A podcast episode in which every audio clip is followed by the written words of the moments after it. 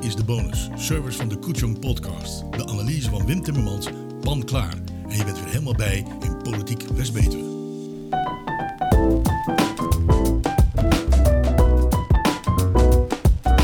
De lokale politiek door de ogen en oren van Wim Timmermans. Ik zelf kreeg de indruk na een aflevering van Dallas te kijken, waarin GR zijn machtspelletjes speelde ten koste van anderen. Tenenkrommend. Tegen zo'n macht kon niemand op. Maar dan kwam Sue Ellen, die doorhad dat je niet macht tegen macht mocht uitspelen in zo'n situatie. En die op haar eigen strategische manier toch haar doel bereikte. Voorzitter, ik zag wethouder Annette Eijf in deze aflevering acteren als een ware Sue Ellen en dat tekent haar. Welkom Wim. Ehm, zitten wij hier in een soap? Uh, goeie vraag, dat weet ik ook niet. Wat, wat je wel uh, ziet is dat uh, hier Leon van Dun namens uh, laat zien dat hij vroeger heel veel voor de televisie gehangen heeft. We hebben vorige keer verteld hoe het met de, de AVRI allemaal gelopen is. En we zitten nu in een vergadering waarin de gemeenteraad van West-Betuwe in debat is met wethouder Eijven over of ze het wel of niet goed gedaan heeft. Het gaat ons om de tweede motie. Daarin hebben wij als raad uh, voltallig wethouder Eijf de opdracht meegegeven om het oordeel van de gemeenteraad van West-Betuwe over het handelen van het DB AVRI ter bespreking in te brengen in de eerstvolgende vergadering van het AB AVRI. En om samen met de vertegenwoordigende collega's uit de andere gemeenten in het AB AVRI te gaan werken aan het herstel van het bestuurlijk vertrouwen naar de raden en inwoners toe door mede de samenstelling van het DB-AVRI te wijzigen. Ja, Rita Boer-Rookhuizen van uh, D66 die heeft naar aanleiding van uh, alle consternatie over de AVRI een extra raadsdebat aangevraagd. Daar zitten we nu en ze gaat er, met, uh, nou, ze gaat er redelijk strak in. Constaterende dat de raad wethouder Eijf op 26 oktober 2021 via een motie de expliciete opdracht heeft meegegeven om, samen met de vertegenwoordigende collega's uit de andere gemeenten, in het algemeen bestuur AVRI te gaan werken aan het herstel van het bestuurlijk vertrouwen naar raden en inwoners. Dringend is verzocht om dit te doen door mede de samenstelling van het DB-AVRI te wijzigen. Um, Wim, waarom deze motie?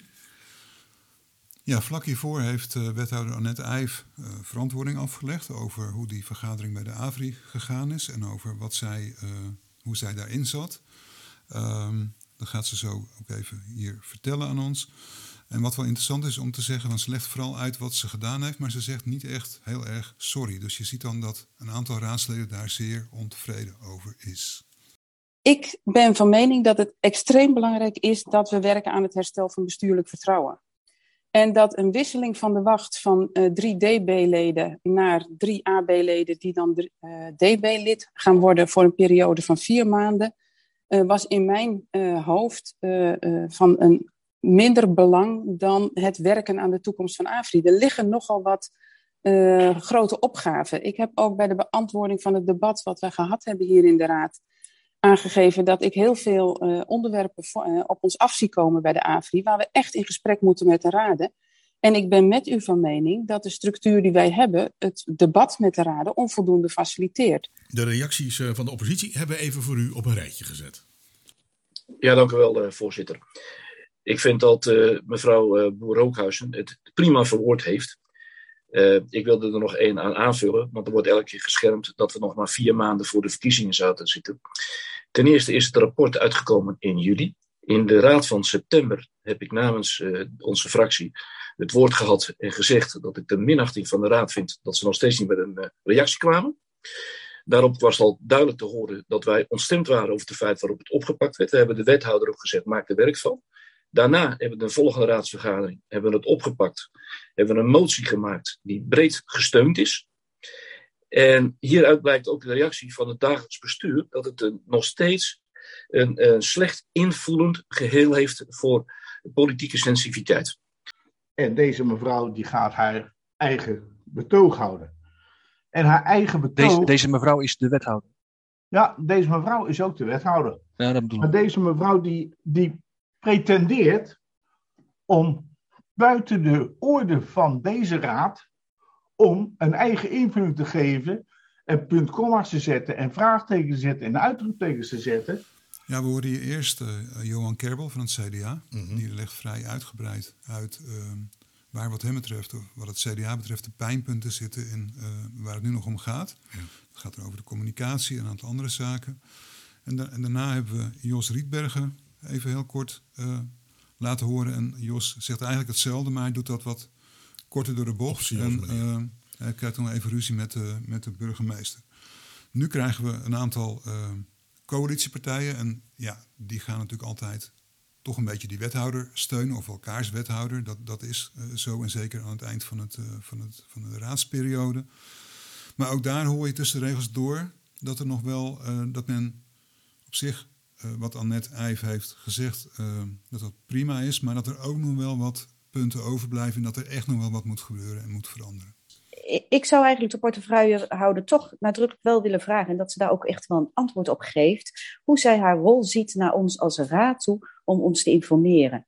En niet achteraf als er iets besloten is, want dan kunnen wij namelijk als raad haar geen sturing meegeven. Maar gewoon juist vooraf, voor die punten die spelen. Ze geeft aan, er moet de komende periode ontzettend veel gedaan worden. Belangrijke besluiten genomen worden. Avri staat op een soort keerpunten, als ik het goed begrijp. Dus dan denk ik, nou, dan vind ik het wel prettig dat als er iets gaat spelen, dat we dat vooraf in ieder geval wel uh, in de smies hebben, zodat in ieder geval portefeuillehouder meekrijgt wat wij als raad willen. Ja? Terugkijkend en luisterend uh, denken wij dat het van groot belang is dat de setting van de algemene uh, bestuursvergadering van de AFRI wel degelijk van belang is geweest. Zowel verbaal en non-verbaal. Ik heb ook getracht, net zoals meerdere raadsleden, om de vergadering bij te wonen. Niet gelukt, je bleef in de wachtkamer pendelen. Maar achteraf hebben we kennis kunnen nemen van het audioverslag en zelfs het videoverslag. Dus ook verbaal kunnen zien en non-verbaal wat er gebeurde in die vergadering. En opmerkelijk in die vergadering van 17 november, het begon heel gezapig. Maar na een minuut of 25 ontaarde dat in een grimmige sfeer. Er werd heel veel op de personen zelf gespeeld. Er werd verbaal druk op wethouders uitgevoerd uitgeoefend. In de vorm van, dus jij wilt ons weg hebben? En ook, jullie hebben van je eigen raad een motie aan je broek gekregen. Wij niet. Met andere woorden, een heel duidelijke vorm van polarisatie tijdens die AB-vergadering. Ik geef het een ieder te doen om in deze setting te acteren. Toen de voorzitter van het dagelijks bestuur wilde samenvatten, was het wel onze wethouder welke kritisch reageerde. En die zei van, ik hoor niet veel wat anders gaat worden. En daar word ik onrustig van. Ik ben zoekende om recht te doen aan de moties. Een andere manier. Waar staan we? De rol van de raden. Klopt die nog wel? En waar willen we naartoe? En zoals nu wordt voorgesteld, zijn het weer de vergaderingen zoals we die kennen. Maar dat gaat het verschil echt niet maken. Daar reageert onze wethouder heel kritisch en heel alert op. Nou, ik kan het niet beter verwoorden dan het verwoord is, dus daar sluit ik me graag bij aan. En wij zijn ook voor uh, de inhoud, het herstel van het vertrouwen, pragmatisch ook met de zaak omgaan. Het is nog maar een periode van drie maanden, maar ik onderstreep ook namens onze fractie van harte dat we graag zien dat er uh, na de verkiezingen in maart een uh, nieuw DB komt. Met nieuwe mensen, een nieuw elan en een andere cultuur, waardoor dit soort zaken tot het verleden zullen behoren. En onze wethouder ja, heeft in een zeer moeilijke speelveld moeten opereren. Um, wij zijn overtuigd van de wijze waarop zij dat heeft verpoogd te doen. En geven haar het vertrouwen ook voor de toekomst om daar het beste van te maken, ook voor onze gemeente. Dat waren drie coalitiepartijen. Wim? Ja, de coalitie laat uh, wethouder Eijf natuurlijk niet vallen. Dat gebeurt. Uh, dan moet je wel heel erg bruin bakken, wil dat, uh, wil dat wel gebeuren. Mm -hmm. We hebben eerst, hoorden we Diana de Zeeuw. Die, van de VVD. Die, van de VVD, inderdaad, die haar steun uitsprak. En die ook wel aangaf van na de verkiezingen moet er wel wat veranderen. We moeten die AVRI, er moet wel gereorganiseerd of geherstructureerd worden, zodat er veel meer democratische controle is over wat die AVRI doet. Daarna hadden we uh, Leon van Dun. Mm -hmm. En dat sprak eigenlijk vooral heel veel bewondering uit uh, voor wethouder Eijf. Dat was natuurlijk ook een soort stijlfiguur, een bepaalde manier van praten. Hij ging er niet heel erg op in, maar het was wel een soort uh, steunbetuigenis voor, uh, voor haar. En als, uh, als laatste hadden we Gian Bareman van de SGP. En om het in SGP-termen te zeggen, die sprak zonder een onvertogen woord zijn steun uit. En dat wil niet zeggen dat het niet binnen kamers enorm gestormd heeft. Dit zei Annette Eijf daarop. waarom niet rechtstreeks ons geïnformeerd direct na de vergadering? Uh, ik heb dat niet gedaan. Er, ja, ik, ik, er is geen waarom. Ik heb het niet gedaan. Uh, en ik leer absoluut uit dit debat dat ik dat een volgende keer wel moet doen. Dus ik ga, ik ga ook kijken welke vorm dat dan kan hebben. Maar die, die komt bij veel van u terug. Er, er is duidelijk een behoefte geweest om direct na deze ingelaste AB-vergadering geïnformeerd te zijn. Dus ik, ik ga kijken hoe ik dat in, in een vorm kan gieten. Maar die behoefte is heel duidelijk overgekomen. Het DB uh, voert formeel nog de taken uit van een DB. Uh, en, en zoals ik al zei, daar zitten ook operationele, op operationele taken bij, waarvan je ook hoopt dat het allemaal gewoon goed doorloopt. Want we willen niet dat de uitvoering van het werk in, van de AFRI gehinderd wordt door deze bestuurlijke gesprekken. Het is al erg genoeg dat de mensen die op straat het werk doen van de AFRI de negativiteit terugkrijgen van onze inwoners. En daarmee uh, wil ik absoluut zeggen dat ik alles wat hier bestuurlijk besproken uh, wordt heel belangrijk vind. Maar ik vind wel dat we dat op de goede plek moeten voeren en dat we dat toekomstgericht moeten voeren. Ja, ik, ik denk nog steeds dat het werken aan uh, gesprekken met vertegenwoordigers van de Griffie of van de Raden, ik weet niet welke vorm dat moet krijgen, zo snel mogelijk opgestart moeten worden zodat we die, uh, die strategische onderwerpen ook goed in dialoog met de raden kunnen voeren. Want, want dat is echt wat nodig is. Ja, hiermee is uh, uiteindelijk voor uh, wethouder Eijf de kou uit de lucht. de hele coalitie staat gewoon achter haar en daarmee gaat die motie het helemaal niet redden. Nee. Um, er zijn wel een paar dingen die interessant zijn om even nog hier uit te lichten. Ja, de eerste is de de, de structuur. En het tweede gaat over financiën in het algemeen. Als je naar de structuur kijkt, dan is die eigenlijk dan een beetje prehistorisch. De, de politieke structuur. De, de politieke structuur. En, en dan is het jammer dat Kerbel zijn punt niet is opgepakt. Want we hadden eigenlijk vanaf de zomer tot en met eigenlijk de volgende zomer. Want na de verkiezingen ben ik nog een paar maanden bezig met formatie enzovoort. Dus je ja. had eigenlijk een jaar de tijd gehad om eens even een aantal frisse mensen te laten werken aan een nieuwe structuur. Zodat je die na de verkiezingen in één keer door al die raden kan laten vaststellen. En nu heb je een grote kans dat je weer in een modderig circuit uh, terechtkomt. Dat is één.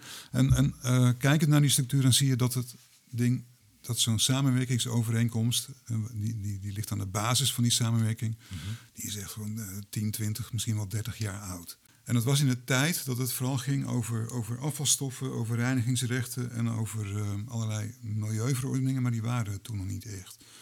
En toen is er gewoon gezegd van nou, we, hebben, we gaan hier een uitvoeringsorganisatie neerzetten. Die gaan gewoon allerlei dingen uitvoeren. Dus die mogen uh, de afvalstoffenheffing enzovoort bepalen. En die gaan allerlei milieuwetgeving integreren. Maar daar zit dan meteen een heel complex gebeuren. Dat is niet meer heel simpel en uitvoering, maar dan moet je echt keuzes maken. Gaan we nou, gaan we nou uh, gescheiden inzamelen of gaan we, gaan we achteraf al, uh, scheiden. Hè? Dus alles in één bak. Mm -hmm. En dan halen we dat bij de AVRI eruit. Gaan, dat zijn enorme beslissingen.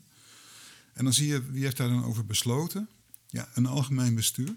En, en er zijn dus in dit geval acht wethouders. Die hebben drie wethouders afgevaardigd die het dagelijks bestuur zijn. En die kunnen eigenlijk bijna alles doen. -hmm. Het enige wat ze moeten doen is af en toe het algemeen bestuur informeren over wat er aankomt. En de raadsleden die mogen één keer in de zoveel tijd bij elkaar komen in een platform. En dan mogen ze zeggen wat ze ervan vinden. En dan mogen ze een, een soort zienswijze inleveren. De, dus de vergelijking dat de, het algemeen bestuur een, een soort met gemeenteraadsconstructie is. En dat het nee. daagsbestuur het college zou zijn. Nee. Dat is een vergelijking die mank gaat. Dat is een vergelijking die mank gaat. Ja. In feite heeft het dagelijks bestuur enorm veel macht. Hij heeft de raad helemaal niets te vertellen. Behalve dan dat ze uh, twee keer per jaar een stuk voor de begroting en voor de kadernota krijgen. En dan staat er op bladzijde 87 of uh, bladzijde 115, dat weet ik dan nooit, mm -hmm. een stukje over de AVRI. En dat er risico's zijn en grote dingen aankomen, maar niemand komt zo ver. Mm -hmm. Want zo'n begroting uh, in de niet-digitale tijd had je dan al gauw een partijstukken van 10 centimeter dik. En het zal digitaal niet heel veel anders zijn, behalve dan dat je die dikte niet kunt, kunt meten. Nee. Nou, die structuur moet op de schop. Ja. En dat is heel veel voor nodig, want dan moeten eigenlijk alle raden het mee eens zijn. Dus je moet naar alle raden toe. We willen een andere samenwerkingsovereenkomst. Dus dat gaat vreselijk veel tijd en vreselijk veel discussie opleveren. En dat had je beter met een paar verlichte mensen die ook snappen dat het heel belangrijk is dat die raden meepraten. Mhm. Dit half jaar kunnen doen. Ja, het, het, tweede wat ik dan wel interessant vind, is dat, dat iedereen nu roept van ja, uh, wij hadden gespaard. Uh, om, omdat we die Avri-stortplaats over wilden dragen op, naar de provincie. En dan, dat bedrag dat is dan genoeg om de provincie een soort eeuwigdurende zorg te geven. En, en wanneer je zo'n bedrag spaart, dan, dan hou je rekening met de rente, met de rekenrente. Nou, die rekenrente is naar beneden gegaan en ineens is dat bedrag dus een stuk minder waard. En iedereen roept dan scheelt moord en brand daarover. Mhm. Maar als je de politiek de afgelopen jaren gevolgd hebt, dan zie je dat inderdaad wat je gespaard hebt, wordt minder waard. Maar je schulden, uh, daar kun je dat ook weer op terugverdienen. De gemeente Geldermalsen had flinke kosten gemaakt voor de plantage. Die zijn voor een deel ingelopen doordat die woningbouw sneller ging. Ja. Maar op het moment dat die rekenrente naar beneden klapte, was het een enorme financiële meevaller. Dus er zijn wel uh, allerlei mooie meevallers binnengehaald. En dan Mhm. vervolgens ga je moord en brand schreeuwen als, uh, als het voor je spaargeld precies andersom werkt.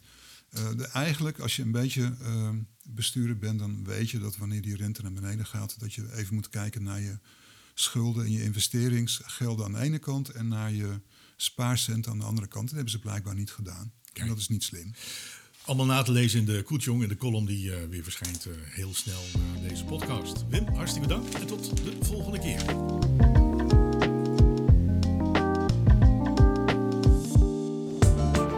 Deze veel meer vind je in de tweede aflevering van de Koetjong podcast. Op Koetjong, op Spotify en op Apple Music.